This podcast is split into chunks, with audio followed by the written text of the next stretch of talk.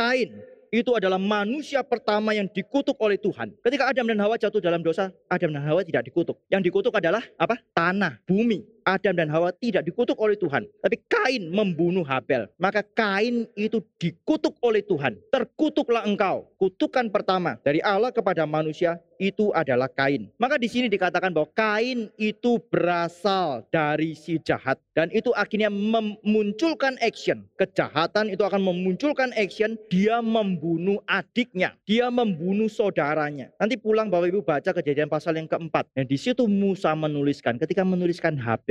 Siapa sih yang nggak tahu kalau Habel itu adiknya Kain? Tahu kan ya? Kita semua tahu karena Kain dilahirkan pertama, Habel dilahirkan kedua, maka Habel itu adiknya adiknya Kain. Tapi nanti kalau Bapak Ibu membaca kejadian pasal yang keempat, di situ Musa menuliskan ah, Habel adiknya, Habel adiknya itu. Ini sebenarnya dicoret pun nggak masalah. Tapi kenapa muncul di situ? Musa mau kasih tahu kita, mau tekankan ini. Ini saudaramu. Kain, Habel itu saudaramu. Habel itu adikmu dan kamu bunuh. Maka benar, Kain itu adalah jahat. Sebaliknya Kristus. Kristus adalah satu-satunya yang Allah Bapa itu mengatakan, kepadanya lah aku berkenan. Kepadanya lah aku berkenan. Ini satu perkenanan yang mutlak. Hanya Yesus Kristus, satu-satunya manusia yang diperkenan secara mutlak, secara penuh oleh Allah. Dalam 2 ayat 29 yang tadi kita sudah baca, pasal 2 ayat 29. Kristus adalah benar.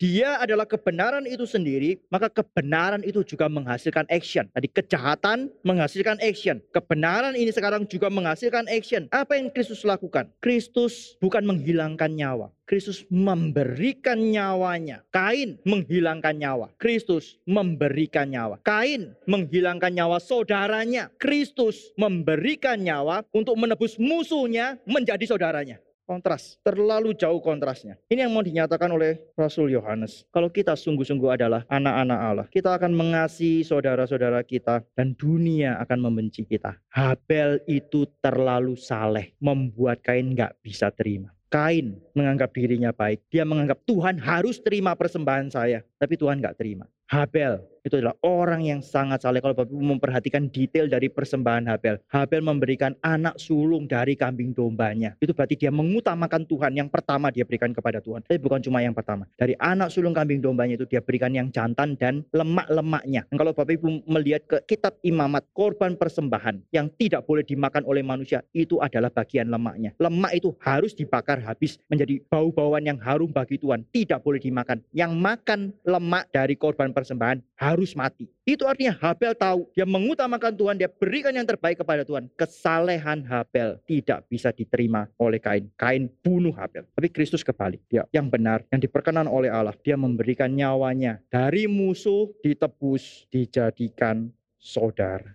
Bapak Ibu, apakah kita sungguh anak-anak Allah? Kalau iya, mari kita minta tolong kepada Tuhan. Mengusahakan di dalam hidup kita. Hal-hal ini, tanda-tanda ini ada. Tanda-tanda ini nyata di dalam hidup kita. Sehingga kita benar-benar punya confident, punya keberanian percaya. Ketika Kristus datang yang kedua kali, kita datang kepada dia tanpa malu, tanpa rasa bersalah. Karena kita hidup menghidupi anugerah yang dia sudah berikan kepada kita.